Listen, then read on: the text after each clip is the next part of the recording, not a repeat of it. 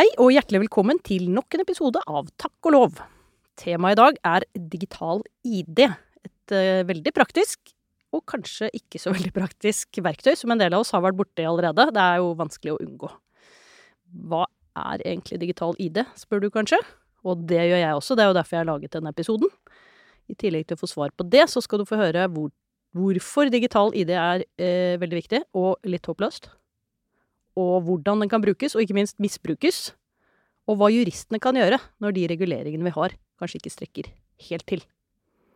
Hvem andre kan vel svare oss klokt og innsiktsfullt og pedagogisk på dette enn selveste Marte Eidsand Kjørven? Velkommen hit, Marte. Tusen takk, hyggelig å være her. Det er veldig hyggelig at du vil være med. Det er jo Jeg føler at du er du er bank-ID, liksom. Har jobba mye med det, i hvert fall. Ja, det vil jeg si. Det, eh, det lille jeg kan om bank-ID, det kan jeg bare fordi jeg har lest noen av de tingene du har skrevet. Mm.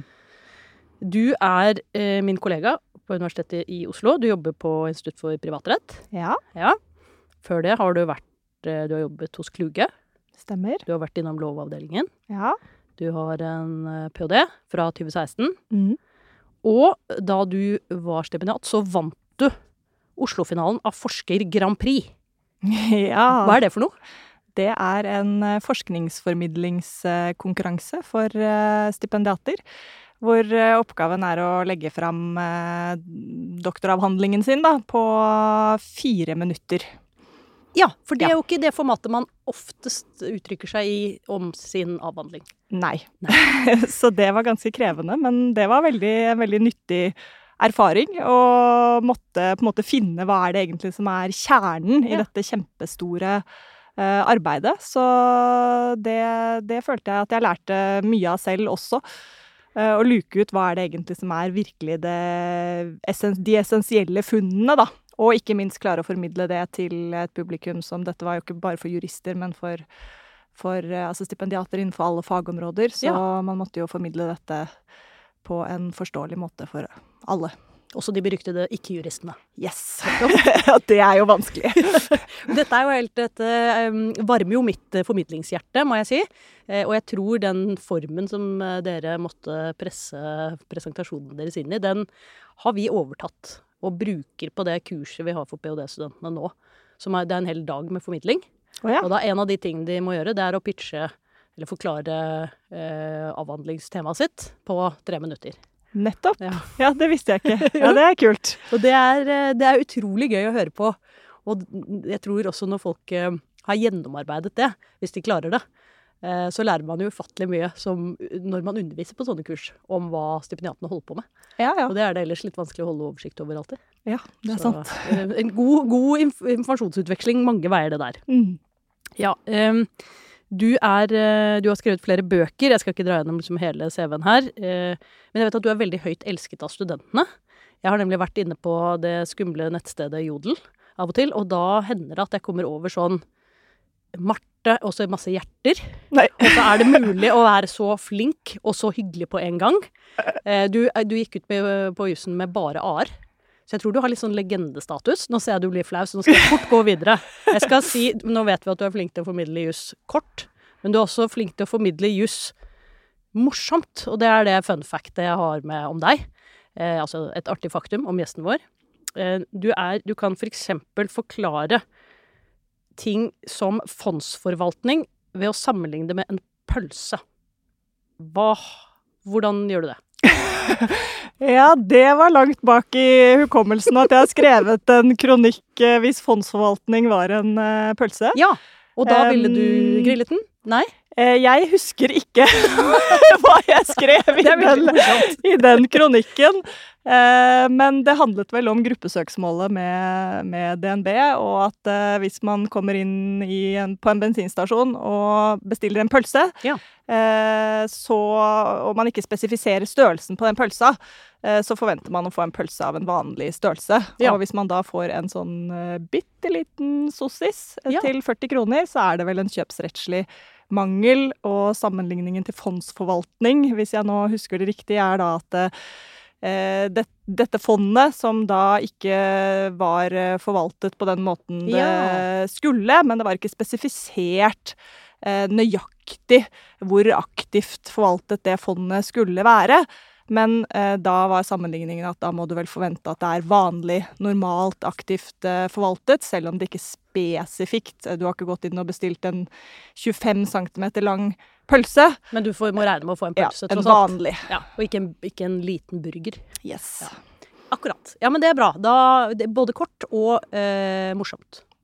Iallfall eh, til, tanke, til, ettertanke, eller til mat for hjernen. Mine, mine visuelle deler av hjernen hev seg rett på dette eksempelet. Ok, vi skal gå over til uh, dagens tema. Uh, bare starte helt basic. og det er mulig at det er et dumt spørsmål. det vil si, jeg hører at det er et dumt spørsmål, men jeg lurer genuint på det likevel. Hva er digital ID? Digital ID er jo et system som eh, et eh, IT-system som kan brukes til å autentisere, altså identifisere hvem du er eh, på nett. Og det mest brukte systemet for digital ID i Norge er jo bank-ID-systemet, som de fleste vet sånn passelig hvordan fungerer. Og det er to hovedfunksjoner, og det er da autentiseringsfunksjonen, som da knytter sammen ditt fysiske jeg og ditt digitale jeg, og så er det i tillegg en eh, funksjon for eh, å lage digitale signaturer, så du kan eh, signere digitalt på låneavtaler eller andre dokumenter. Styredokumenter har jeg brukt det til av til. Da må jeg bruke bank-ID. Eller det er vel det jeg har, i hvert fall. Ja. ja. Ja, nettopp. Så der man i gamle dager enten signerte for hånd, eller eh, viste frem legitimasjon, så har man i dag eh, denne digitale løsningen. Og så sa du eh, bank-ID er en type digital ID. Mm. Eh, Fins det flere? Ja, vi har eh, flere ulike typer. Vi har en offentlig e-ID, som er min ID, som eh, jeg bruker ganske mye, fordi den er eh, Eh, da betaler ikke det offentlige noen. Jeg logger inn med den, så jeg prøver alltid å logge inn med den hvis jeg kan. Eh, men den er på sikkerhetsnivå eh, tre. Vi har fire sikkerhetsnivåer, og det er en del tjenester som krever sikkerhetsnivå fire. Og der har vi ikke noe offentlig e-ID. Vi har tre private aktører, og det er BankID, Confides og Bypass. Så hvis du skal logge inn på en tjeneste som krever sikkerhetsnivå 4, så må du bruke en av disse. Og hva er det som ligger på så høyt sikkerhetsnivå? Er det sånne banktjenester og sånn, eller er det offentlige ting som, hvor det er personnummer og helseopplysninger og Ja, det er en god del offentlige tjenester som også krever uh, sikkerhetsnivå 4 for å logge inn på, på Helse Norge, for eksempel.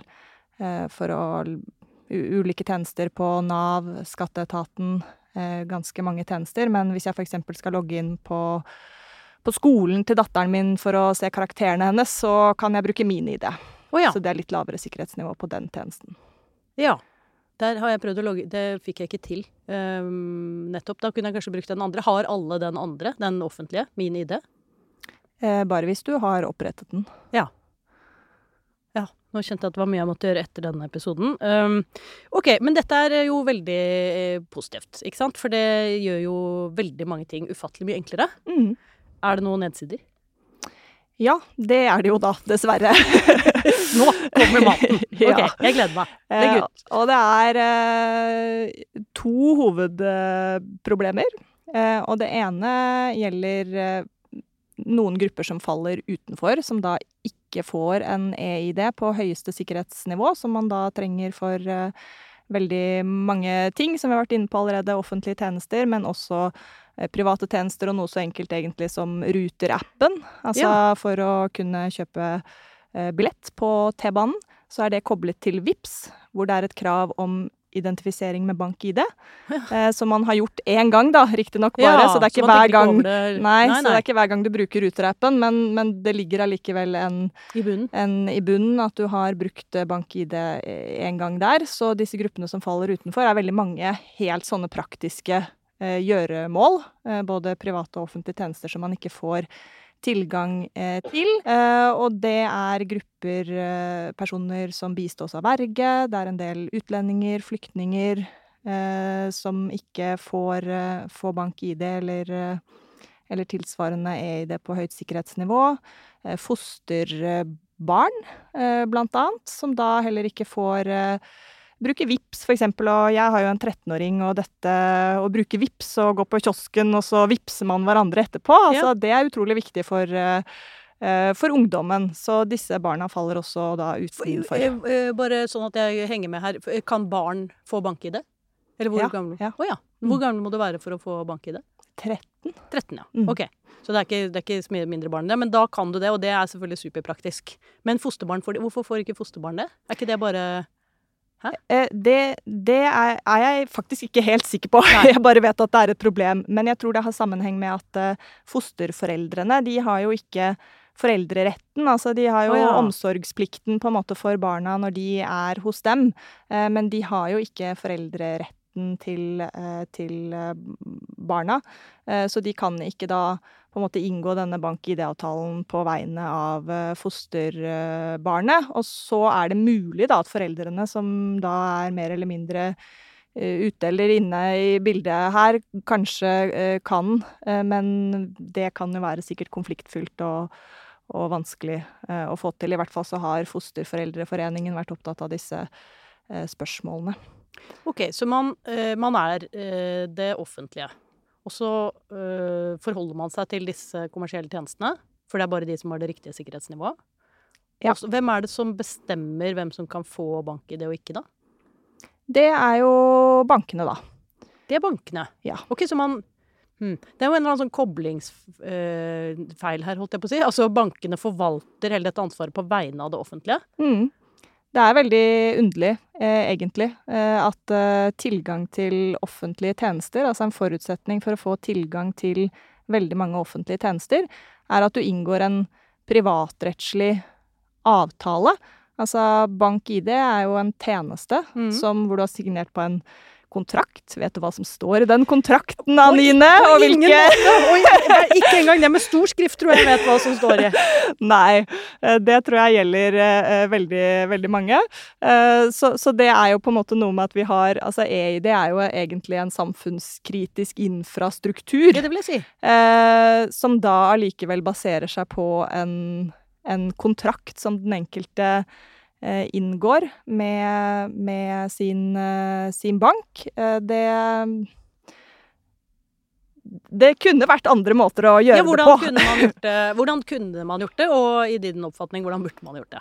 Ja, altså um, Nå leder jeg jo et uh, stort uh, forskningsprosjekt som vi kanskje skal snakke om seinere. Ja, det skal vi komme tilbake til. Uh, som gjelder dette, og jeg har jo ikke alle disse svarene, men det er jo et av de spørsmålene som vi skal undersøke i dette prosjektet, er jo nettopp hva er på en måte en god regulering av eh, EID i, i samfunnet, og der har vi akkurat startet opp dette prosjektet, så jeg har jo ikke de eh, svarene parat. Nei, det er, det er fint. men det jeg var vet det at ekte forskning. ja, men, eh, men det finnes jo andre land som gjør det på andre måter. Vi har annet et samarbeid med, med universitetet i Tartu, som ligger i Estland. Mm. I Estland har de en offentlig eh, EID, som da er eh, eid av staten, og som er i tillegg eh, obligatorisk. Så det er på en måte motpolen, kan du si, til systemet hos oss, hvor Ja. vi har outsourcet dette til, eh, til private. Eh, og Eh, og hvor det er da ikke bare frivillig, men altså da basert på en kontrakt, hvor, hvor også enkelte da ikke får tilgang, fordi man ikke oppfyller de vilkårene som finansnæringen setter da for, eh, for å få den tjenesten. Mens i Estland så må du ha det. Ja. Ok, Så det er ganske ulike måter å tenke om dette på. Hva er det som gjør at vi ikke har en statlig ordning i Norge da? Er det bare at vi ikke er gode nok på statlig nivå, eller tenker vi at konkurranse er så viktig? Det virker ikke som det er så mye konkurranse, selv om du nevnte at det var tre aktører. Um, dette er nok en, en faktisk utvikling som, som har skjedd fordi finansnæringen i sin tid utviklet eh, bank-ID-systemet før staten kom på banen og, og hadde noe tilsvarende gode eh, systemer. Eh, Så her har på en måte teknologien vært i forkant, og så Ja. har man dette systemet. Det begynte som et system for å logge inn på, på nettbanken, og så har eh, man utvidet eh, bruks, eh, bruksområdet, og så brukes det av de fleste um, borgerne i Norge, og da eh, er det nok mest en sånn faktisk utvikling. Mm. Men man har jo jobbet i det offentlige i mange år, i ti år tror jeg, med å, med å å få på plass en, en offentlig e-ID, og det har vært uh, mye diskusjoner eh, fram og tilbake om man skal ha det, om man bør ha det eller, eh, eller ikke. Og, og, denne konkurransen i markedet fungerer jo kanskje ikke helt optimalt, eh, ettersom det er brukerstedene, altså f.eks. når du logger inn på Skatteetaten, så er det jo Skatteetaten som betaler for din innlogging med bank-ID. Ja, for der står det du kan velge å logge inn med bank-ID eller Bypass eller eh, Confides. Confides. Ja. Og så velger eh, alle bank-ID, nesten. Ja, eller? 95% eller, eh, eller noe sånt noe. Ja, og du har ikke noen eh, insentiver til å velge noe annet som bruker, for du betaler ikke noe for tjenesten uansett. Nettopp. Ja. For det er brukerstedet som, som betaler. Og det så. syns ikke engang for deg som bruker. Jeg har aldri tenkt over dette. Nei. Nei. Nei. Det gjør man jo ikke når man ikke betaler for det. Men det er store utgifter da for, eh, for det offentlige. Men det er selvfølgelig store utgifter med å ha og drifte en egen e-ID ja. også. Og så er det jo noe med sånn offentlig utviklede IT-systemer som av og til går litt på tverke, er mitt inntrykk. Ja, det er jo en, eh, en risiko, selvfølgelig, da. Så, så, hva som er best og ikke, det Men man kunne jo tenke seg en kommersielt utviklet løsning som allikevel var statlig forvaltet, da. Hvis det var sånn som For det du sier nå, er egentlig at eh, fordi vi har outsourcet det til bankene, så sitter bankene og avgjør ting som kanskje eh, diskriminerer enkelte grupper på en måte som er uakseptabel? Ja, det har jo vært noen saker i, i Diskrimineringsnemnda om uh, akkurat uh, dette, faktisk. Med en uh, svensk statsborger som ikke fikk, fikk bank-ID, som ble Hvor nemnda konkluderte med at det var diskriminering. En person som var bistått av verge, som da heller ikke fikk fikk eh, bank-ID, hvor det også ble konkludert med at det var eh, diskriminerende etter eh, ja. CRPD, da, altså ja. konvensjonen om rettigheter for mennesker med nedsatt funksjonsevne. Så men, men, her er det jo mulig at det er en kontraheringsplikt, altså, men dette er litt uklare, uklare regler, egentlig, for, for de Også forholdet mellom diskrimineringsvernet og kontraheringsplikten, da, ja, ja. den privatrettslige, altså plikten til å inngå avtaler. Ja, OK. Og da Det er den, eh, den type diskrimineringsproblematikk ja, som avstedkommer noen eh, ytterligere spørsmål. Og så er det vel kanskje også dette som er en utfordring med all digital utvikling, at uh, det er grupper i samfunnet som har et digitalt utenforskap. Jeg har iallfall en, en mor som for så vidt har uh, nettbank og gjennomgående har strevet så mye med å komme inn i den og ut av den, og når du skal, hvilket passord og hvordan man skal bruke den brikken, at nå har jeg tatt over hele greia. Nettopp. Det er, burde jo ikke være sånn. Nei, det burde ikke være sånn. Du har, ikke, har, du en disposisjonsfullmakt, eller har du bare, bruker du hennes bank-ID? Eh, jeg bare bruker hennes bank-ID. Nå ble jeg veldig usikker på om jeg gjør noe ulovlig. Uh, hvis du forteller meg at du, jeg gjør det ulovlig, skal jeg straks rette opp i det. Men jeg snakket med banken hennes om situasjonen. Jeg, det, så langt klarte jeg å tenke selv, nemlig. At jeg burde ikke gjøre dette før jeg har snakket med banken om at, er jeg, at nå er det jeg som disponerer den. Nettopp. Og hva sa banken? Ja, De sa det var fint, og så sa jeg men jeg vil i grunnen gjerne logge inn med min egen bank-ID i den banken deres som var noe annet enn den jeg brukte, da. Og det viste seg helt kul umulig, og da måtte jeg ta over brikken hennes likevel. Nettopp. Det er jo veldig interessant, fordi eh, Finans Norge og finansnæringen som sådan, de eh, er jo veldig på dette at man jo under ingen omstendighet skal verken overlate sin bank-ID til noen andre, Eh, eller da heller bruke noen andres eh, bank-ID. Og i denne situasjonen med typiske eldre og barn som skal eh, bistå foreldrene sine, så skal man bruke noe som heter disposisjonsfullmakt. Ja. Og det skal på en måte være løsningen da på på dette problemet, som da hadde betydd at du kunne logget deg inn i banken med din egen bank-ID, altså logget deg inn på hennes, hennes konto. Men jeg har også hørt det som du sier nå, at dette er en veldig eh, veldig vanskelig og komplisert eh, prosess. Eh, pluss at man jo gjerne må hjelpe til med andre ting. Det kan hende du hjelper moren din med andre ting enn bare eh, nettbanken også, og da er det jo ikke den type fullmaktsløsninger heller på andre offentlige tjenester, f.eks. for eksempel. Eh, så man får jo et stort problem med de som faller utenfor, og det er jo et problem for dem selv, men det er jo også en kjempestor risiko for det andre hovedproblemet, da, som jeg ikke har kommet til ennå, vi godt som er en per perfekt P4-overgang. eh, som er eh, problemet med misbruk og, og svindel. Mm. Og der ser man jo nettopp eh, ganske mye eh, svindel. Nå regner jeg ikke med at du svindler din mor, men du har jo alle ennå, men Jeg har det. det sant, ja. så, så stort sett har jeg bare svindlet meg selv, eh, fordi jeg har lagt ut fra min egen konto, for jeg glemmer jo alltid den brikken. Nettopp. Så, men, eh, men der er det jo dessverre ganske mye svindel også mellom, eh, mellom nærstående i den Ja. typen relasjoner. eh, barn, eh, foreldre, altså foreldre som svindler barn, og barn som svindler foreldre, ektefeller som svindler eh, hverandre. Gud, dette hørtes veldig ugreit ut. Vi, hadde, vi har en episode om scener fra et ekteskap. Jeg tror kanskje vi skal tipse om den. Eh, at, at, også dette kan være en utfordring. Ja. Ja.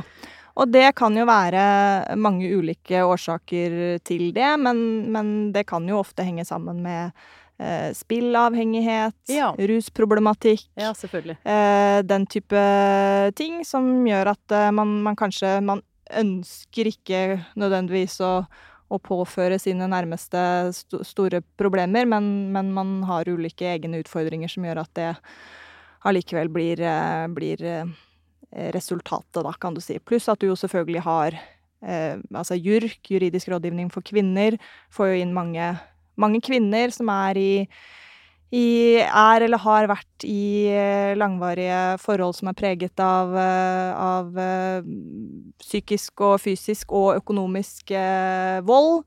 Det kan være partnere med stor Hva skal vi si Altså en ujevnbyrdige forhold, da. Mm.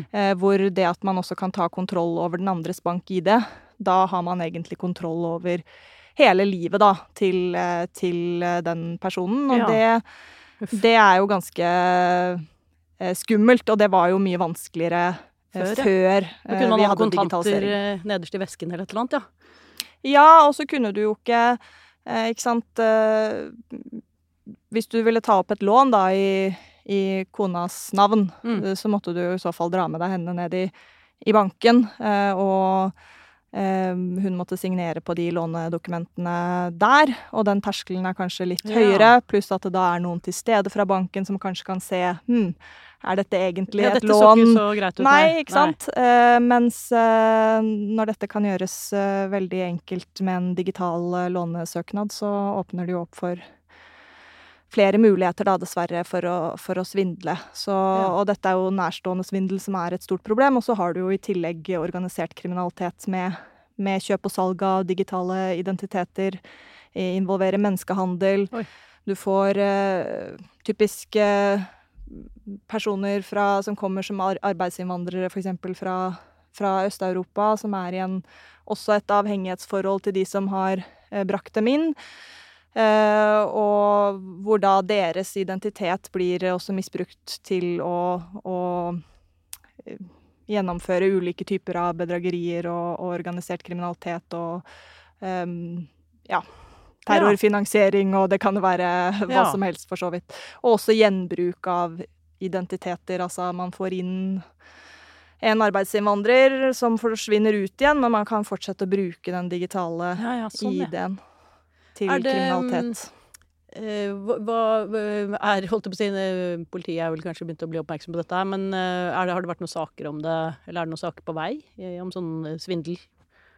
Ja, vi har hatt eh, mange, mange rettssaker, hvis det er det du tenker på. Det er jo både selvfølgelig straffe, straffesaker eh, mot eh, både ulike organiserte kriminelle miljøer og mot eh, mann, svindler, kone Ja. eh, type sakene. Vi har ganske mange straffesaker. Og i tillegg så er det jo mange rettssaker om hvor da f.eks. for eksempel banken har eh, eh, har eh, tatt ut stevning med krav om at bank-ID-innehaveren, altså den som er svindlet, skal betale bankens tap da, når det er tatt opp et lån oh, ja, sånn, basert på digitalt ID-tyveri. ja. Så der har jeg vel lest en 70-80 dommer, i hvert fall. Såpass, ja. Ja. Ok, så det, ja, Men betyr det at lovverket vårt ikke er godt nok? Det har i hvert fall ikke vært, uh, vært godt nok. Altså, digitaliseringen har jo uh, skjedd uten at man nok har tenkt tilstrekkelig på konsekvensene av eh, og, og av den økte risikoen da, som det også fører med seg, og spesielt eh, beskyttelsen mot tap når man utsettes for digitalt ID-tyveri, har Mm. vært veldig, veldig dårlig. Så stort sett så har jo de som er utsatt for svindel, endt opp med å, å måtte betale eh, da det som egentlig er bankens tap, da, når de har betalt ut eh, lån eh, basert på ID-tyveri til en svindler. Men vi har eh, Altså, høsten 2020 så ble det vedtatt ny finansavtalelov. Mhm. Og der eh, kommer det regler som gir et eh, økt vern da, for de som utsettes for den typen av svindel, og at banken må ta en større del av tapet selv. Eh, nå er det jo ganske lenge siden den eh, loven ble vedtatt, men den har fremdeles ikke trådt i kraft. Da. Hvorfor det? Ja, det, skulle, det skal lages noen forskrifter, og Ja. det har trukket veldig ut i tid av eh, litt uvisse årsaker. Ja. Eh, så Men man Vi får tro at den trer i kraft på et eller annet tidspunkt. Snart. Det er noe konstitusjonelt problematisk med dette her. Også, ja. mm, Så, um, og i mellomtiden så er det jo selvfølgelig fremdeles mange saker som, eh, som kommer inn, og de håndteres jo av eh, Stort sett av eh, Jussbuss og JURK og ja, fortell litt om det, for det her er det, det er jo uh, dyrt nok å bli svindlet uh, om man ikke skal måtte betale en advokat for å få hjelp i tillegg. Sånn at uh, her er det rettshjelpsordningene som hjelper disse menneskene. Og det du viser til nå, JURK, Jussbuss, det er jo studentdrevne tilbud, egentlig. Mm. Eh, ja, det er jo en total systemsvikt, egentlig. Eh, vi har jo Det er ikke noen muligheter for å få noe hjelp noe sted fra det eh, offentlige. Det faller utenfor ordningen med fri, eh, fri rettshjelp, fordi det ikke er en sånn type sak som, eh, som prioriteres. Eh, og man har jo da ikke råd til advokat. Man har gjerne mista alle pengene og dessuten er satt i gjeld og har betalingsanmerkninger og det ene med det andre. Mm. Eh, og da står man jo igjen da med disse studentdrevne rettshjelpstiltakene. eh, Som kan hjelpe og har vært veldig gode. Altså Jussbuss har, eh, har jobbet Blant annet har jobbet ganske mye med, med denne typen av saker. Eh, Men det er klart det er jo en begrensning på eh, for det første hvor komplekse saker man har kapasitet til å hjelpe til med. Det kommer inn noen som f.eks. er forfulgt av 13 forskjellige banker eh, samtidig. Eh, så Det føles litt sånn eh, Jørgen Hattemaker, dette. Ja, Ja. veldig. Tri trippel, nei, 13-gangeren Kong Salmo. Ja, Ja. nettopp. Mm. Jørgen Hattemaker mot 13 eh, kong Salomor Det samtidig. Det er ikke fair play! Nei, det er ikke det. Eh, Så det Det sier seg jo selv at dette ikke går bra. Og i alle disse sakene jeg har sett for domstolen også, så er det jo ganske mange av de som er selvprosederende, da. Ja. Eh, som gjør at du har fått veldig rare utfall, men som man jo også kan forstå når folk kommer inn og, og heller ikke har noe som helst eh, juridisk bistand eh, med seg, så blir jo disse sakene veldig dårlig, dårlig opplyst, Ja. eh, selvfølgelig. Nå har vi jo fått eh, opprettet eh, noe som heter ID-juristen. ja, hva er det for noe?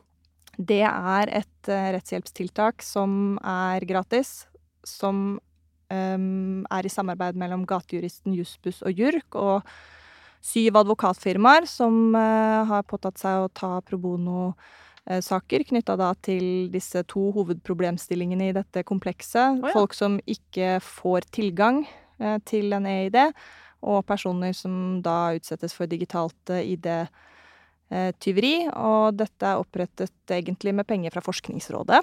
Å ja. Jøss. Um, Forskningsrådet gir penger til justiltak, det er jo fabelaktig. Eh, ja, Ja. Det, det er veldig bra. uh, og, og grunnen til at de gjør det, er jo at ehm, dette rettshjelpstiltaket skal eh, gi data til dette forskningsprosjektet som jeg snakket om i, eh, i stad. Fordi det er jo også et problem at vi har egentlig veldig lite kunnskap og informasjon om hvor stort er egentlig dette problemet med digitalt ID-tyveri. Det finnes ikke noe, noe god statistikk på det.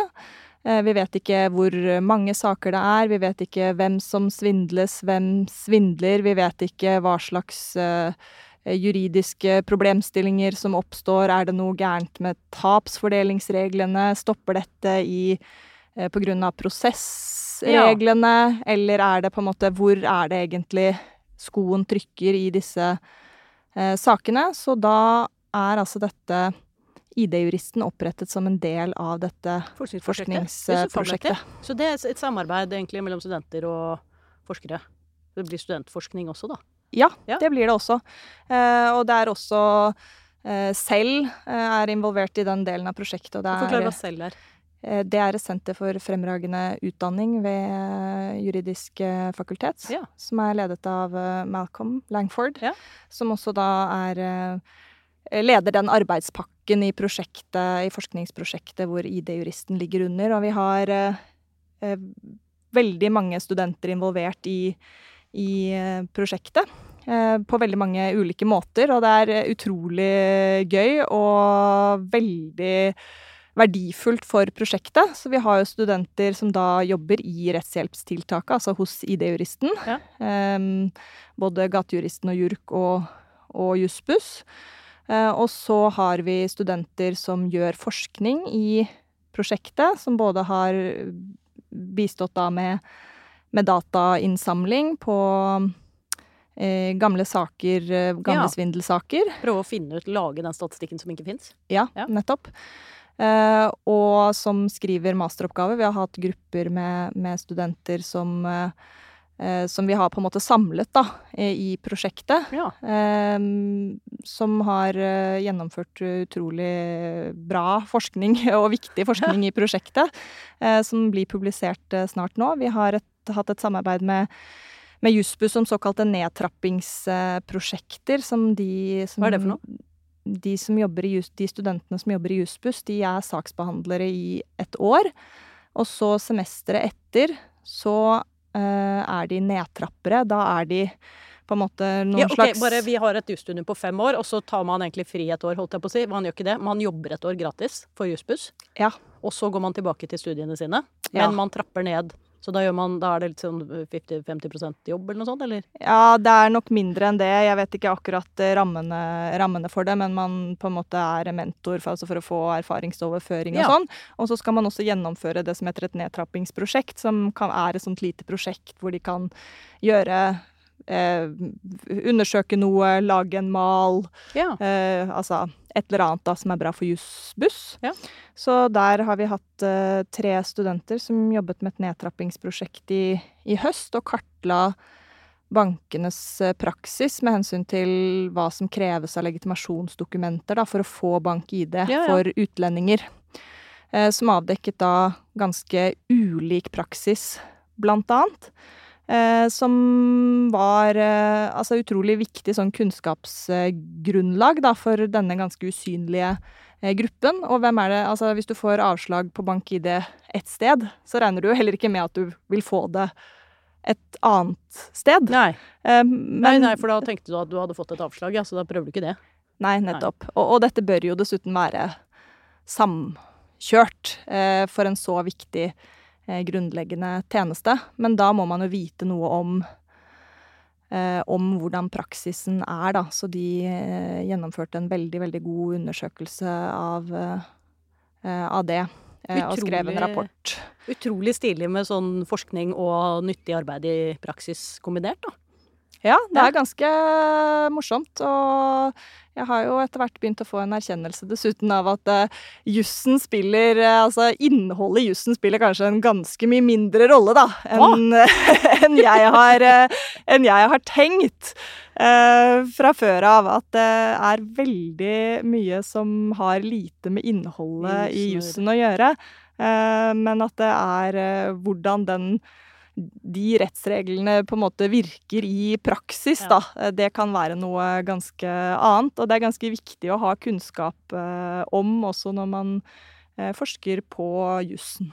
Ja, det tror jeg er en veldig bra avrundingstone, egentlig. For det må jeg si Det er min erkjennelse etter å ha jobbet som advokat, etter å ha jobbet som stipendiat, og etter å ha jobbet i Norges institusjon for menneskerettigheter. Der har jeg vært opptatt av det som heter implementeringsgapet. Mm. Vi kan jobbe masse, vi, for å få inkorporert viktige menneskerettighetskonvensjoner og bla, bla, og spre masse kunnskap om de rettighetene og sånn. Det hjelper ingenting hvis ikke de virker i praksis. Ikke sant? Nei. Vi pleier å runde av med en sånn uh, liten uh, anekdote eller en morsom historie eller noe gøy som har skjedd uh, med gjesten vår. vi tenker er det noe lytterne våre burde ha hørt? har du hørt? og da vi spurte deg om å forberede en sånn historie, så gjorde du selvfølgelig sånn som du alltid gjør, for du er jo flink og pliktoppfyllende, så du forhørte deg rundt deg. Du kom ikke på noen sånn historie selv. Du kan fortelle. ja, jeg har tenkt, tenkt, veldig hardt og lenge eh, på eh, denne oppgaven som jeg fikk fra dere. Fortelle en morsom historie. Da får jeg jo helt eh, panikk, eh, eh, selvfølgelig. Um, kan også nevne at jeg endte opp med å ikke ha russekort i sin tid, fordi ja. jeg skulle finne på noe veldig morsomt som skulle stå på det russekortet. Og det var jo en så vanskelig oppgave at det ble ikke noe Det ble aldri morsomt nok? Nei, det ble Nei. aldri morsomt nok. Nei. Og da ble det Da ville jeg heller ikke ikke ha russekort. Så det er samme tilnærmingen min her. Så ikke historien er morsom nok. Det er veldig bra. Så, da kan det være det samme. Ja, så kan det være. Men i hvert fall, jeg spurte eh, både mannen min gjennom 23 år og, og datteren min på 13 om jeg hadde fortalt noen gøy historie noen gang om noe som hadde med juss og jobben min å gjøre, og da var svaret ganske kontant eh, nei. Dette er fantastisk. Har du hørt? jeg sier ikke mer. Nei, dette var strålende, Marte. Tusen takk for at du ville være med og opplyse oss uh, ikke bare om fravær av morsomme historier, men, uh, men særlig om alle utfordringer knyttet til bank-ID, og hvordan de vi håper at er fremtiden, viser seg også å være fremtiden, nemlig studentene. Mm. Tusen takk. Og nå skal jeg reklamere litt. Du kan lese mer om digital ID og forskningsprosjektet i Juridikas magasin Innsikt. Og så kan du lese Martes eh, artikler i Lov og rett. Og du kan lese fagboken hennes Ytelse av investeringstjenester til forbruker. Alt dette finner du på juridika.no.